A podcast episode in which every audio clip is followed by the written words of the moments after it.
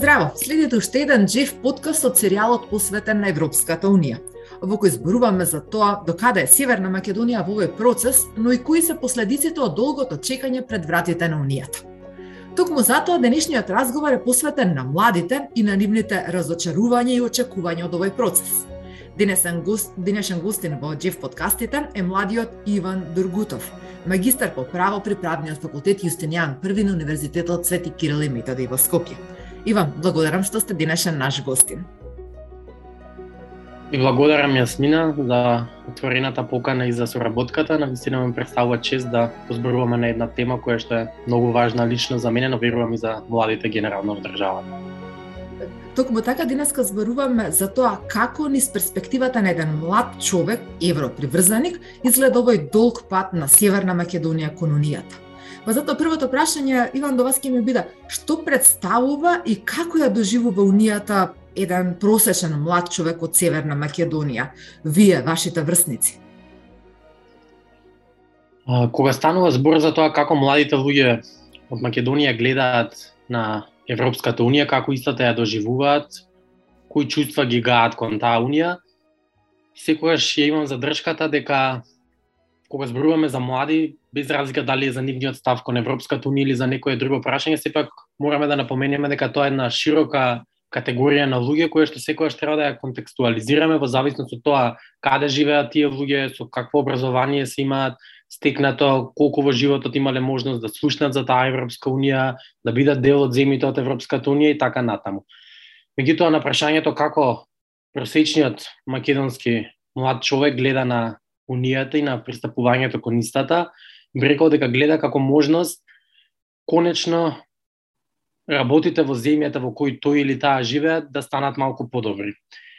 Не треба да имаме не треба да имаме илузии како млади луѓе дека Европската унија е некакво магично стапче, меѓутоа би рекол како младиот човек гледа на таа унија токму како можност неговата перспектива за подобра и посигурна иднина да биде малку пореалистична и гледа на Европската Унија како можност конечно тој таа да бидат на нивото со своите врсници по 27-те земји кои се моментално дел од Европската Унија.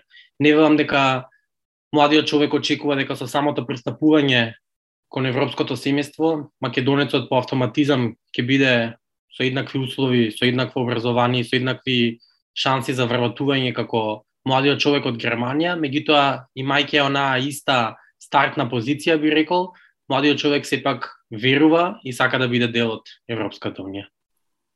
Сега, дали ова предолго чекање после одамна добиениот кандидатски статус, еден, еден ден може би ќе биде она траума од младоста за младите во земјава. Како гледаш на ова? Да, тоа е интересно прашање, имајќи предвид дека како држава кандидатскиот статус го поднесовме, барањето за кандидатски статус во Европската Унија го поднесовме во далечната 2005 година, ноември месец, а веќе во следниот месец, декември, официјално се стекнавме со статусот на земја кандидат за пристапување кон Европската Унија. Тоа се едни долги, макотрпни, веќе 16-17 години во кои Македонија се наоѓа во чекалната на европското семејство. Се наоѓаме во чекалната со притоа поставени многу ригорозни, многу рационални, но дел и ирационални услови, кои што за жал поради правилата на игра ќе мораме порано или подоцна да ги исполнуваме. Дали представува разочарување долгото чекање? Не можам да кажам дека не представува, без разлика дали станува збор за пристапување кон Европската Унија, за пристапување кон било кој друг ентитет или заедница, самиот поим дека 16-17 години се наоѓате во еден меѓупростор во кој нема ниту напред, ниту назад реално, на вистина представува тешко прашање и представува тешко чувство кое што секој од нас го носи. Имајќи на ум кога, да кажеме, нашата соседка преку една земја Хрватска стана земја кандидата, кога таа успеа да пристапи кон Европската Унија, едноставно не можеме да кажеме дека не представува разочарување тоа што 16-17 години буквално ниту ги имаме отворено пред пристапните преговори, да не изборувам за тоа кога би станале полноправна членка на Унијата. Меѓутоа, надежта не ја губиме, верувам дека не ја губат повеќето од младите луѓе во оваа земја, иако представува на вистина една условно кажано Голгота, или како што спомена ти еден ден, може би ќе се навратиме на така наречените трауми од детството или трауми од младоста, на тоа колку долг бил нашиот пат кон него, сепак јас сум вечен оптимист и го гледам светлото на крајот од тунелот. Пред да те прашам дали имаме некаков план Б, ќе се оспрнам на очекувањата на младите. Фактот дека нели секое одбивање и секое пролонгирање на овој процес доведува до одреден раст на евроскептицизмот во земјава. Меѓутоа, од друга страна, едно од неодамнешните истражувања за младите и демократијата, чинам направено конкретно 2019 покажа дека младите во земјава имат можеби преголеми очекувања за влез на земјава во Европската унија. Па така истражувањето покажа дека вербата на 60% од младите е дека земјата ќе стане членка на Европската унија, ама проблематично беше тоа што дури 70% од нив очекуваат тоа да се случи до 2025 година. Како гледаш ти на, на овие очекувања? Колку ова може би дополнително води кон дополнително разочарување? Така. Добро позната ни е максимата која вели дека високите очекувања некогаш знаат да носат и високи разочарувања имајќи го ова на ум, имајќи го ова предвид, мора да кажеме дека треба да бидеме реални. Сите оние луѓе кои што имале контакт со бюрократијата на Европската унија, сите оние кои што имале контакт со институциите на Европската унија, дали преку некакво практично искуство, дали можеби преку некое теоретско знаење, кои што го стекнале во рамки на формалното или неформалното образование, знаат дека тоа е еден гломазен систем кој што и утре, еве кажеме, 1 декември, 15 декември се реши да ни ги отвори, да ги отпочне со нас тој систем пред пристапните преговори апсолутно не е во ред да сметаме и не е реално да сметаме дека во 2025 година би биле членка на Европската унија. Имајќи ги искуствата на последните земји кои што пристапија кон Европската унија, Хрватска, Романија и Бугарија, знаеме дека тоа е еден долг, макотрпен, сеопфатен процес кој што по некои просечни очекувања и по некоја просечна историска статистика трае најмалку 7 до 8 години, а знае да биде 10, 11 и 12 години.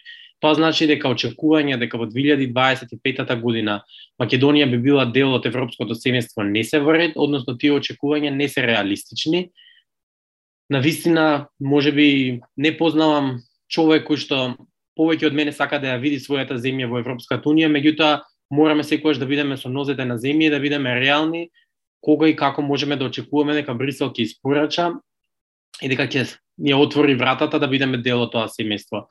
Го спомена истражувањето кое што некаде околу 60% вели дека младите се за пристапување кон Европската унија, јас би кажал дека сите неодамнешни истражувања говорат за тоа дека сентиментот за Европската унија во Македонија е навистина присутен поддршката е на вистина висока и слободно би кажал дека за жал на некои европски земји членки, меѓутоа за наша среќа тој сентимент и тоа чувство, таа поддршка апропо членството во Унијата е дури повисок од некои земји во самата Европска Унија. Гледаме дека Европската Унија како заедница на 27 земји моментално се случила со некои внатрешни превирања, внатрешни турбуленции И јас би кажал дека можеби ние кои што сме надвор од тоа семејство во дадениот момент имаме поголема желба да влеземе во тоа семејство, отколку што некои луѓе кои што се веќе таму имаат желба да останат во тоа семејство. Тоа е предмет на некоја друга дискусија анализа зошто е тоа така.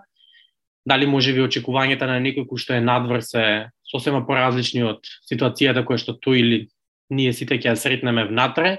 Меѓутоа, да, генерална поддршката на нашите граѓани за пристапување кон Унијата е на вистина висока, особено изразена таа помеѓу помладите луѓе и секогаш е тоа аргументот кој што тврдам дека треба да го користиме при сите оние лобирања средби со европски представници, дека на вистина оваа земја е земја која што е полна со европреврзаници, полна со еврофили, така наречени, и на вистина е убаво луѓето кои што толку сакаат да бидат дел од таа унија, да им се овозможи да ги почнат тие преговори и преку реформскиот процес, преку предпрестапните преговори да ја реформираат својата земја и да се подготват за патот кон неу убаво кажано, меѓутоа овој процес нели кој што го го тераме со години, да не речем со децени, а, бараше и одреден а, процент на болни компромиси. Како гледате на договорот од Преспа? Дали овој болен компромис произведе потреба од други идни нужни компромиси и колку мора тие да бидат направени за да се приближиме кон оваа наша цел, да бидеме еден дел ден дел од европското семејство? Прашањето во однос на Преспанскиот договор или договорот од Преспа, кој што беше склучен во 2018 година, е на вистина едно прашање кое што верувам дека за секој човек од Македонија е прашање на кое што тој добива некакви емоции, се будат некакви емоции кај него и едноставно не може да остане рамнодишен. Меѓутоа, како што кажа дека во однос на временската рамка, кога би пристапиле кон Унијата во однос на тоа што треба да очекуваме во рамките на таа Унија, истото ќе го кажам и овде во однос на договорот од Преспа, дека треба на вистина да видиме реални како граѓани и реални како луѓе. Знаејќи дека долго време Македонија се наоѓала во процес на преговори околу промената на уставното име на нашата земја, процес кој што се водел под покровителство, под медиаторство на Организацијата на Обединетите нации и нивниот медиатор, ние мораме да бидеме свесни дека кога сме во некој процес на преговори, тоа значи дека преговараме за некаква промена на тоа што го имаме. Тоа значи дека колку и секој од нас да е преврзан со името Република Македонија, мораме да бидеме свесни дека штом се наоѓаме во некаков процес на преговори, преговараме за некаква модификација на тоа кое што веќе го имаме. Доколку како земја сме имале консензус дека не сакаме воопшто да го промениме тоа што го имаме, нејасно е зошто тие преговори воопшто постоеле. Факт е, споменав дека Европската унија е еден гломазен гломазен систем кој што едноставно функционира на тој начин што за да се носат одредени одлуки потребен е политички консензус. Тоа значи дека земите кои што уме, умееле и успеале да станат членки во Европската унија пред вас, за жал, за несреќа имаат право да поставуваат и некои нерационални услови да бараат од тидните кандидати тие услови да бидат исполнети. Таков услов беше поставен од страна на Република Грција кон Република Македонија тогаш, дека поради одредени причини, поради одредени територии во рамки на денешна Грција, кои што го носат името Македонија, за жал тие не го прифаќаат нашето уставно име и претендираат на тоа дека доколку сакаме да станеме дел од евроатлантските структури, ќе мораме истото да го променим. На прашањето дали овој болен компромис, тежок компромис кој што се случи во 2018 година, неминовно ќе доведе и кон други кон други идни, нужни, може би уште поболни компромиси, би кажал дека сето тоа зависи од нас и сето тоа зависи од моќта и силината на нашата дипломатија. Јас немам илузии дека како мала земја во светот на меѓународното право и во светот на геополитиката ние сме клучниот и најглавниот играч. Воопшто не гавам такви илузии.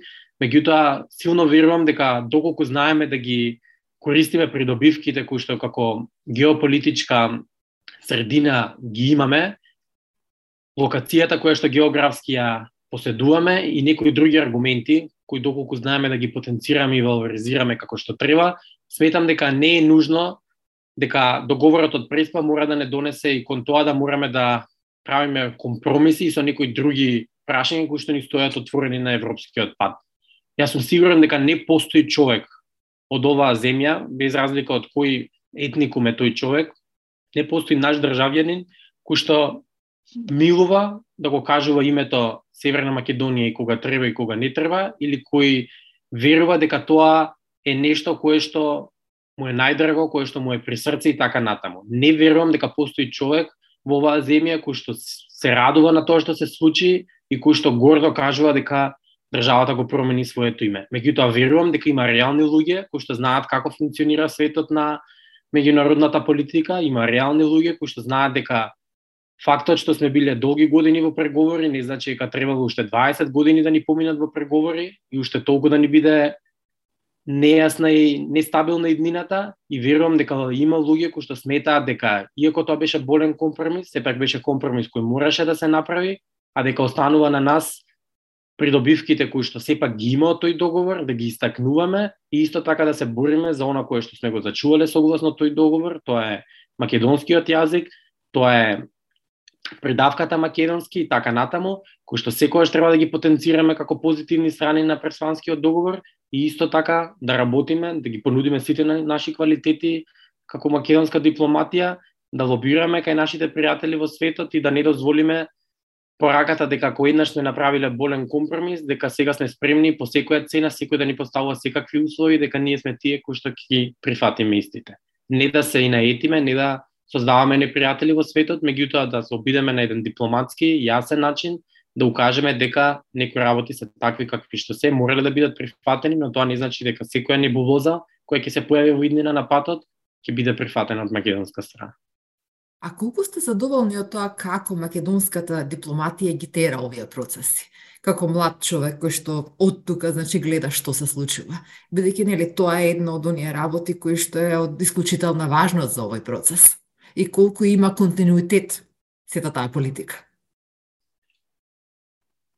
Тука ќе бидам доволно самокритичен и ќе кажам дека не сум задоволен од тоа како македонската дипломатија се носи со преспанскиот договор. Што мислам по ова? Сметам дека македонската дипломатија при а, при Министерството за надворешни работи треба да воспостави многу појасни критериуми, многу појасни правила во однос на тоа доследно да се почитува она кое што е подпишано во договорот од Париз. Секој оној кој што го отворил тој договор, кој што при тоа е достапен на на веб, веб страницата на Министерството за надворешни работи на Македонија, верувам дека секој кој што го прочитал знае дека тој договор вели дека новото уставно име на оваа земја е Република Северна Македонија, меѓутоа она што останува како што било предходно е националноста, тоа значи дека ние сме македонци, а не сме северно македонци, тоа значи дека нашиот јазик е македонски, а не е северно македонски, и тоа значи дека нашето државјанство е македонско,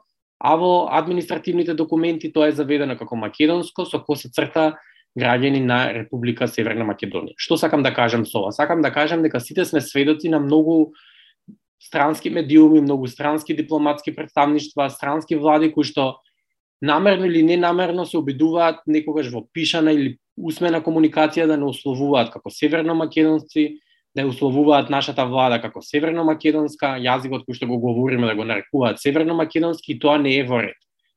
Сметам дека нашата дипломатија не прави доволно по ова прашање и не прави доволно по тоа да укаже на светот дека секој договор е договор кој што дава права и обврски за двете страни. Доколку ние како земја се обврзуваме да ги почитуваме и да ги имплементираме оние задачи како обврски кои што ни се доделени согласно договорот од Преспа, исто да треба да го бараме и од другата страна која што е подписник на таа на таа спогодба на тој договор. Велам дека нашата дипломатија не работи доволно на ова, како што кажав, преце за задржување, односно искористување на оние придобивки кои што ги имаме од договорот за Преспа, од договорот од Преспа, број 1 и број 2 не работи доволно да бара на софистициран, субтилен, цивилизиран, дипломатски начин, другата страна подписничка да ги обалува своите обврски кои што ги има согласно тој договор. Не можам да верувам и не сакам да верувам дека другата страна подписничка е таа која што е помалку задоволна од овој договор. Ако некој е тој кој што направи болен компромис и кој што одстапи од својата црвена линија, да кажеме, тоа е нашата земја. Не верувам дека другата страна, не верувам дека Република Грција е таа која што може да каже дека е оштетена или дека дала повеќе од колку што добила во овој договор. И токму затоа сметам дека треба да инсистираме на доследно спроведување на договорот од страна на Република Грција. Тука сметам на најбазичните работи, на најосновните работи, сите оние табли кои што кога ќе ги поминете, кога ќе поминете македонско-грчката граница, се уште не ословуваат како Фиром, како former Yugoslav Republic of Macedonia, како Скопија, Скопје наместо како North Macedonia или Republic of North Macedonia. Не верувам дека три години не се доволен период за овие некои основни работи, како знак на соработка да бидат направени од другата страна и како знак за потик, дека сепак и двете страни сме дале нешто, и двете страни ќе добиеме нешто. Благодарам на одговорот. А, сега малку ќе смениме темата, меѓутоа повторно во контекст на, на, на Европа и обединувањето на најстариот континент. Кој е вашиот став за федерална Европа? Дали сметате дека движењата и организациите како Джеф, например, придонесуваат за обединување на нестариот континент? Колку се ваквите движења важни? Многу важни. Движењата како Джеф, движењата како сите оние европски, паневропски здруженија на граѓани, здруженија на студенти, здруженија на млади индивидуи, сметам дека се многу важни и многу придонесуваат за можноста да еден млад човек да види целосната слика и да свати дека Европа, освен тоа што е најстар континент, Европа е и условно и слободно кажано, срцето на светот. Ја силно верувам дека здруженијата како Джеф работат на тоа до граѓаните да ја доближат сликата од придобивките кога Европа би била обединета. Имајќи ги предвид сите оние историски случувања кои што се зад нас, имајќи ја на ум идејата како настанала Европската унија, мораме да се согласиме и мораме да ги подсетуваме некои од членките на Европската унија дека токму тоа е идејата на обединета Европа. Мир, слобода, братство, еднаст, еднаквост, единство. Тоа е тоа кое што ни треба, тоа е тоа кое што мораме и треба да ги подсетуваме сите оние луѓе кои што се дел од континентална и територијална Европа. Јас честопати слушам како на некои меѓународни настани, во колоквијални разговори, во официјална комуникација се вели дека европјани и европејци се жителите на земите членки на Европската Унија.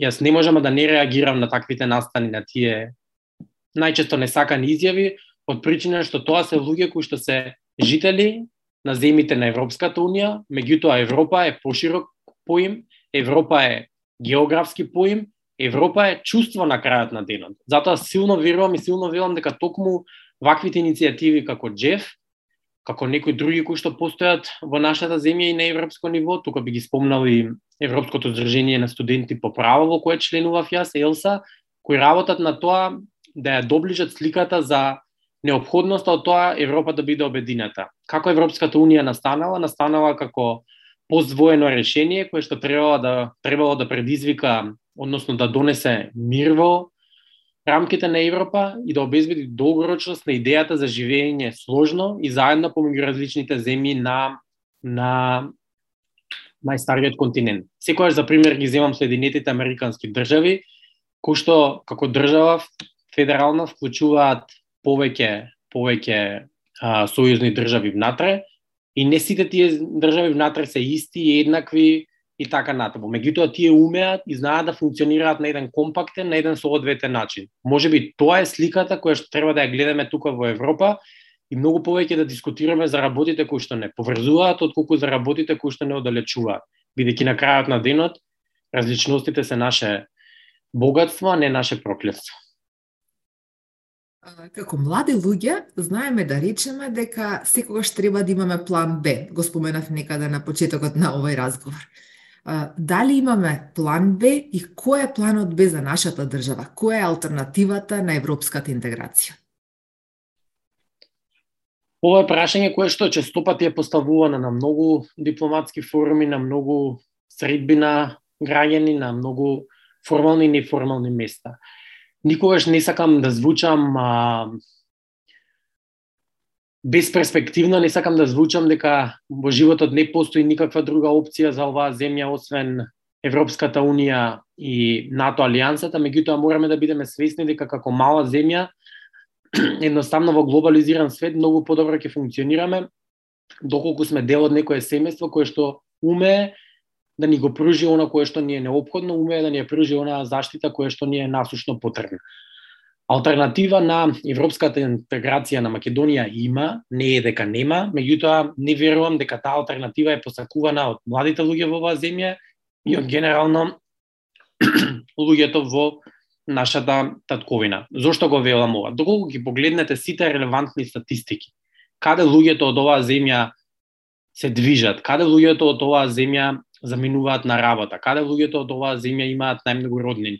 Тоа не се некои земји кои што нудат нешто спротивно од она што го нуди Европската Унија. Тоа се токму оние земји најчесто лоцирани во Европската Унија или оние земји кои што не се на територијата на Европа, меѓутоа ги делат вредностите за кои што се залага Европската Унија, тоа се човекови права, тоа се слободи на граѓанинот, тоа е либералната демократија.